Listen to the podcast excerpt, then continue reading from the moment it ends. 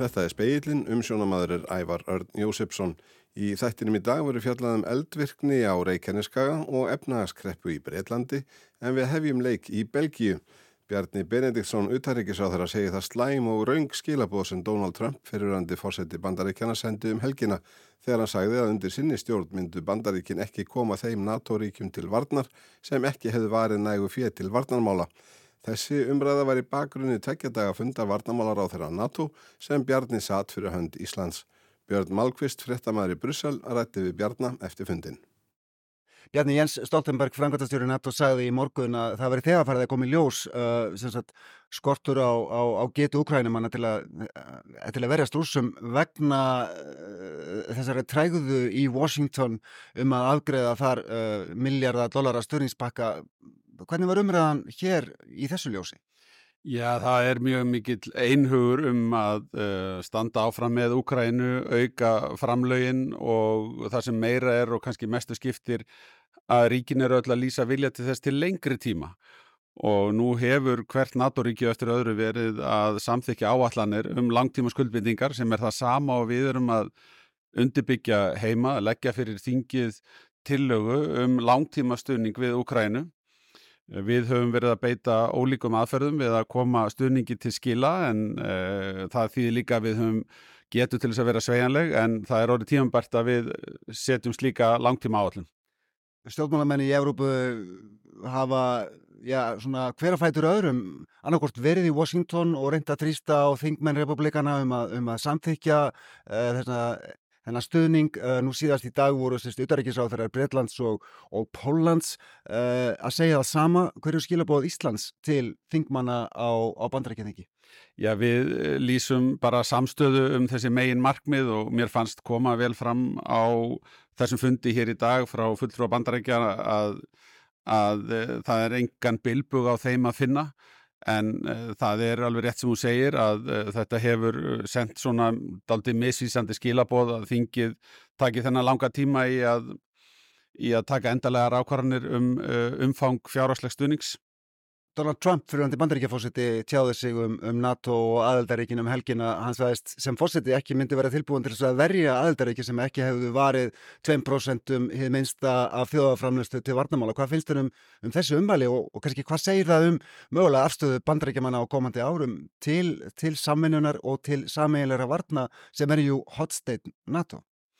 Já, það er alveg rétt hjá þér, sko, ég held að sé nú fyrsta lagi mikilvægt að átt að sjá því að þetta er ekki einhver nýskilabóð frá Donald Trump heldur, hefur hann í mjög langan tíma verið að kakirina það að mörg NATO-ríkjana hafi ekki verið með uh, tveggja prosta framlægið og fyrir nokkrum árum síðan var það gert að lámas framlægi sem áður hafi verið svona viðmið Um, en það er nýr tótt slegin með því að uh, gefi skinn að hann mun ekki standa með þeim sem að uh, uppfyll ekki þessi lámaskilirði og það er skalegt það uh, er ekki hægt að segja annað en að svo gagkvæma skuldbinding sem fælst í NATO samstarfinu sé algjörlega um, svona já hún er hotstein sko þess styrks sem að NATO samstarfið byggir á og allur öll skilabóðum að uh, þau skilir því kunna vakna að menn drægi eitthvað í land vegna uh, þess að menn séu ósáttu við framgöngu einstakra aðaldaríkja eru, þetta eru bara vond skilabóð og raungskilabóð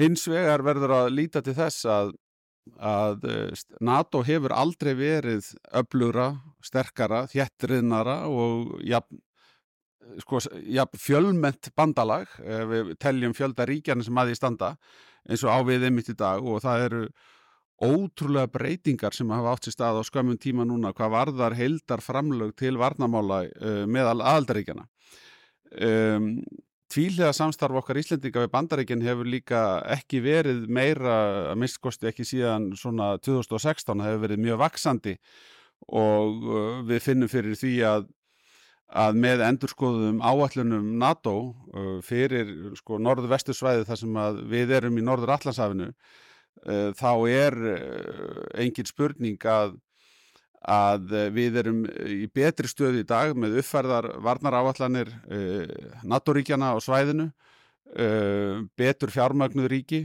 þéttara samstarf við erum síðan með Nordefco, Norræna samstarfið og við erum sömulegis við Íslendingar að taka þátt í Jeff sem að breytar leiða og Hollendingar taka líka þátt í.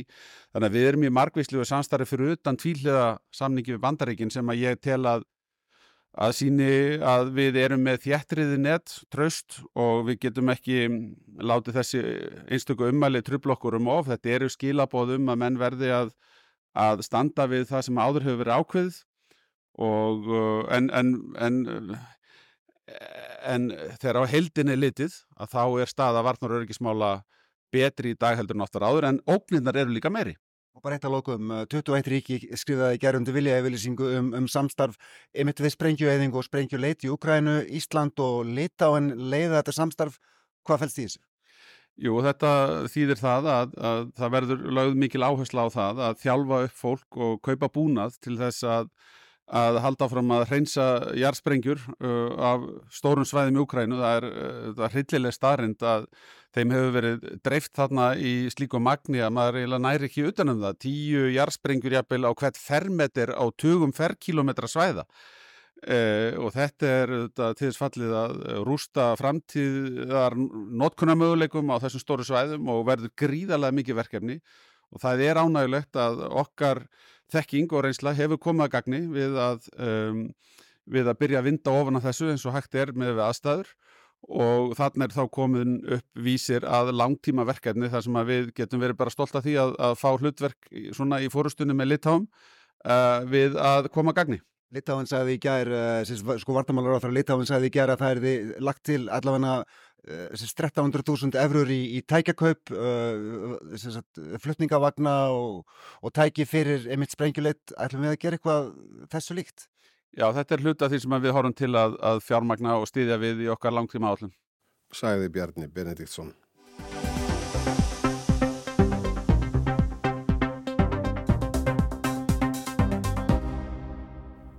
Kvika heldur áfram að sapna saman undir svartsengi með sama hraða og nú má gera ráð fyrir að í lók februar eða byrjun mars aukist líkur á kvikulöpi eða eldgósi verulega samkvæmt tilkynningu veðustofunar fyrir í dag. Stöndu við mögulega frammi fyrir því að það gæti gósi á þessum slóðum á þryggja fresti mánuðum saman. Ragnhildur Tólasís frettamöður spurði Haldur Gersson dósent við Jærvísindadelt HÍ að því. Já, þetta er eitthvað sem að, maður spyr sjálf og sig, hvort að við séum með uh, mörg elgós uh, í, í náinu framtíð og nú eru með svo góð mælikerfi á þessu svæði að við getum mælt mjög vel hvernig land er að rýsa á milli elgósa og eins og staðin er núna þá fór út ákveður rúmál í, í elgósinu sem var núna í síðustu viku og byrjaði raun og veru bara strax aftur að sapnast saman og er til dala hratt landri sem er núna í gangi á, á þessu svæði. Og það þýðir hvað? Mögulega gós eftir tverr vikur eða?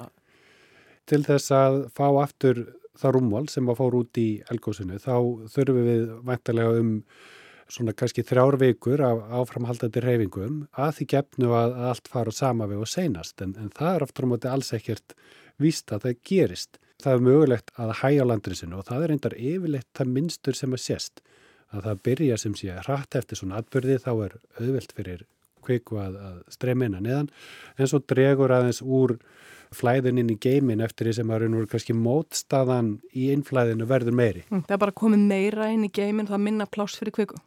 Já, það má, það má segja það. Og þessi minnstur sjást uh, ekki bara í svartsengi heldur eru við með mörg dæmum uh, eldstöðar á Íslandi og reyndar annars þar í heiminum líka sem er sína við líka minnstur þar sem að satna saman kvika í eitthvað nákvæm tíma, svo kemur gós og svo byrjar aftur að satna saman kvika. Nærtækt dæmi um þessi hægðun eru til dæmis uh, kröplueldar. Þar voru mörgur í stímabil og mörg elgós, þar voru nýju elgós og uh, allt í allt um 20 ganga einskott. Þannig að það voru mörg ris og segtímabil þar og ef ringtir í þær tímaræðir sem eru til að bara hvernig landreis og hvernig það seg, þá er uh, þó nokkur fjölbreytileiki í hvað segja, formunu á reiskurvunum. Þannig að stundum reys land bara með jöfnum hraða fram að gósi og svo gauðs og svo byrjaði aftur að rýsa. En í þó nokkrum tilveikum byrjaði að rýsa tildala hratt og svo dró úr hraðanum og í sömum tilveikum dró mjög mikið úr honum og þannig að tíminn fram að næsta gósi gæt verið frekar órögluður. mm. þótt að heldareysi væri kannski eh, ekki svo ósveipað og þannig að við náttúrulega bara sínum þá hegðun sem er okkur náttúrulega að sjá minnstur í náttúrunni og, og, og öllu saman og við erum í ákveðnu minstri hérna með ákveðnu tímabili, við erum með svona cirka mánuð á, á milli gósa og, og eðlegt að álekta að næsta gós komið þá eftir eitthvaðra vikur. Og kannski gerist það en ef við rínum í þessar hinaldfjöld og hinnatímaræðir þá sjáum við að hegðunin er miklu fjölbreyttari. Og það getur þessna verið mánuður og ár fram í næsta gós. Kanski það dæmi sem gengur hvað lengst í þessi við horfum á kröplu sérstaklega er um, það var sem sé góðst að 1981 og svo reys skart eftir það á næstu uh, vikum, mánuðum eftir það og svo dró mjög úr ísraðinum og hann var bara óreglulegur og, og gerðist ekki þarna í, í, í þrjú ár þar til að síðasta gósið kom þarna 1984. En það má segja með uh, elgósinu kröflu að gósaðinin breytist svolítið með tíma þannig að í, í byrjun voru gósin kannski skamvinn eða jafnvel helt áfram að vaksa bergangur eftir að gósin uh, byrjuðu en svo eftir því sem að, sem að leiða á atbyrðarsinu kröplu þá var meiri kvika sem fór í elgósin. Til dæmis bara ef að svo stað að kemur upp núna eða eftir einhverja mánuði að þessi taktur myndi eitthvað breytast þá myndi það ekkert endilega þýða að það væri komið stopp í þessu gós þarna. Já, þetta er atbyrðara sem getur tekið uh, langan tíma og um, eitt af það sem við hefum lært af því að horfa þessi mismundi kerfi á Reykjaneskaganum er að meðan að, að, að það verist að vera svona kvikuflæð að neðan í eittira þá er allavega minna eða ekkert að, að flæðin í hinn. Þannig að Ég held að það þurfu svolítið bara að horfa á Reykjaneskaðin í hildsinni ef að það hættir kviku innflæði í svartsengi og byrjar eitthvað starf annar staðar að þá er kannski óleiklega að koma upp gósi í svartsengi meðan það er að flæði inn á öðrum stað. Að því þú ert að tala um takt í þessu, ég meina grímsvötnur er annað dæmi, það sem er svona einhver ákveðin taktur, ekki satt, og hekla. Jú, jú, það eru margar eldstöðar sem sína þennan takt uh, kvikusöfnunar og kvikulósunar og með svona mörguliti svipuðum ferlum þannig að það uh, rýst í þessum eldfjallum þegar ekst þristingur í þeim milli elgósa og svo sígur í þeim þegar að kvika fer út annað hvort sem í elgósa með göngum. Og í heklu þá er þetta svona sérstaklega reglulegt hérna með, með gósa um þetta byrjum tíu ára fresti og Eh, síðasta gós var í februar uh, árið 2000 þannig að fólk voru árið ansi spennt fyrir árið 2010 og þá kom ekkert gós og hefur ekki komið ennþá en ef að saga gósaga heklu og skoðu til leikri tíma þá uh, sést náttúrulega að þessi tíóra góslota hún var raunveru afbríðileg og miklu eðlilegra væri þessi svona 50 til 80 ára milli gósa og jafnveg lengra. Við gerum nú samt sem áður svo við færum okkur aftur hérna á Reykjaneskagan Við erum samt sem áður heldur að gera ráð fyrir því, er það ekki, að það gjósi í kringum mánaðamótin. Ég menna að er ekki allir svona með það í hérna á bakvið eirað, skulum við segja. Jú, það verður náttúrulega tellist líklegt og líka því að það er til dala stöttu tími síðan að, að gauð seinast og verist ekki að hafa verið mjög mikil röskun á kerfinu, sko. Þannig að það verða alltaf eitthvaðar ákvæðanar smá raskanir á þessum kerfum í jörðinni, bara hversu opnarsprungur eru og hversu auðvildi fyrir kveikun að komast í, í, í burtu og hvernig hugsalega þessi geymir er, er í læginu. Þannig að það verðist að vera til dæla lilla breytingar síðast, þannig að maður myndir svona frekar ætla að það séu svipaðar aðstæður og fyrir senastakvás en aftur á móti ef að það myndi draga mjög úr í Ísraðinum þá geti jærskorpan aftur á móti fengið lengri tíma til þess að jafna sig og, og, og byggja upp styrk þannig að kannski þurfti þá en lengri tíma til þess að byggja upp nóg mikið þrýsting til þess að, að fá gós. Þannig að þetta er alltaf þessi keppni svona milli þessar abla bara hversu uh, mikill uh, kraftur kemur frá í raun og veru kvikusöfnun og, og hversu sterk jærskorpan er til þess að halda móti. Þetta var stuttur tími síðast, hálftími og þetta kom þetta bara eiginlega byndu upp, er það ekki? Kvikuhlaupið, það fór ekki langt. Það er alveg rétt að, að kvikugangur sem myndaðist núna í februar að hann var uh, ekki stór og var minni heldur en gangatir sem, sem hefði myndast í januar og desember og november og það þýtti þá líka að, að kvekan komur hrætt út, hún, hún þurfti ekki að vera að eða tíma í að breyðast út um eitthvað flött, heldur kom raun og veru bara nokkur neginn beint upp. Og hvað segir það okkur til um framaldi? Það er kannski erfitt að segja. Við getum líka fengið eitthvað hugmyndur um sko heldar rúmmálið sem að er til staðar til þess að koma upp. Þannig að það er kannski ef að við vitum núna hvað er að sapnast saman mikið rúmmál og það er ólíklegt að fara út eitthvað mikið meira rúmmál heldur en fór út senast og það mm. sem kannski ekki útilokað. Það er kannski ólíklegt að veri mjög stór raun sem kom upp með litlum fyrirvara en að frekar að það verði svona eitthvað álíkar raun og, og kom upp síðast en Svo eru aftur til fleiri möguleikar í, í því tillitið.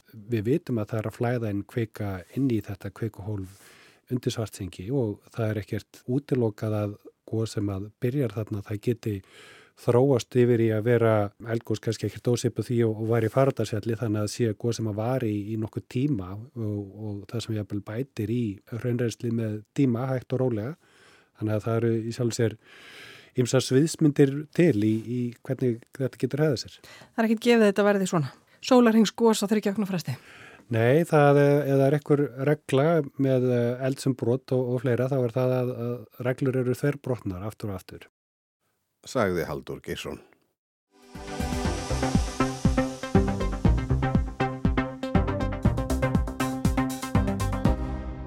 Efnahagskreppa er skollin á í Breitlandi. Engin hagvöxtur mældist þar í nýju mánuði fyrra og raunar samdráttur á síðari hluta ársins. Hann var 0,3% síðustu þrjá mánuð ársins 0,1% en næstu þrjá mánuðina þar á undan og stóð á nulli í april, mæj og júni. Kýrstarmer, leðtói verkamannaflokksins og stjórnaranstöðunar á breska þinginu notaði tækifærið og sendi stjórnvöldum tónin þegar niðurstaðan lág fyrir í morgun. Rísi Súnak hefur mistekist að snúa við 14 ára efnahagsnignun undir stjórn íhalsflokksins skrifaðan á samfélagsmiðlinum X áður Twitter. Efnahagskreppa er skollin á í Breitlandi og almenningi blæðir. Það er komin tími á breytingar, einugis verkamannaflokkurinn getur knúið þær í gegn. Hagfræðingar telja að tíðindin séu sem part slæm fyrir Rísi Súnak og stjórn hans. Senn líði að þingkostningum sem verður að halda í síðasta lægi í janúar á næsta ári. Að öðru leiti eigi þau ekki að skipta teljandi máli að minnstakosti fyrir almenna borgara. Kreppan sé í raun og veru teknilegs eðlis og flest bendi til viðsnúnings á næstunni. Jeremy Hunt, fjármálar á þeirra, let engan bilbú á sér finna þegar hann rætti tíðindin. Efnahagslagð saðan að væri í raun og veru af hinnu góða í baráttu stjórnvalda við mikla verðbolgu. Hún kemi sér einnig vel fyrir almenna borgara sem hefðu að undan förnu þurft að borga sífælt meira fyrir brínustu nöðsínar og horfa á orkureikningana hækka. By the early summer we could start to see interest rates falling and that will be a very important relief for families with mortgages. Ef við höldum áfram á sömu braut segja óháðir efnahagssérfræðingar að stýrivextir geti farið að lækkast nefn sumars og það eru góð tíðindi fyrir fjölskyldur sem skulda húsnæðislán, sagði ráþarann. Ed Conway sem fjallar um efnahagsmál hjá Sky sjónvarpstöðinni Bresku segir að einhverju hluta vegna minnist þess engin að hagfræðingar hafi tekið því fagnandi að efnahagssamdráttur verði tvo ársfjörðunga í röð. Hins vegar þurfu að fara aftur til ársins 1956 til að finna jafnleitla kreppu. Reynist það satt vera að hagvöxtur verði strax á fyrstu mánuðum þessa árs þurfi þjóðin litlu að kvíða. Framkvæmda stjórn Evrópusambandsins greindi frá því í dag að efnahagsspá Evruríkjana hefði verið endurskoðuð eftir að farið var yfir tölur frá upphafi ársins. Útlitt er fyrir 0,8% að hagvöxt á Evrusvæðinu á þessu ári.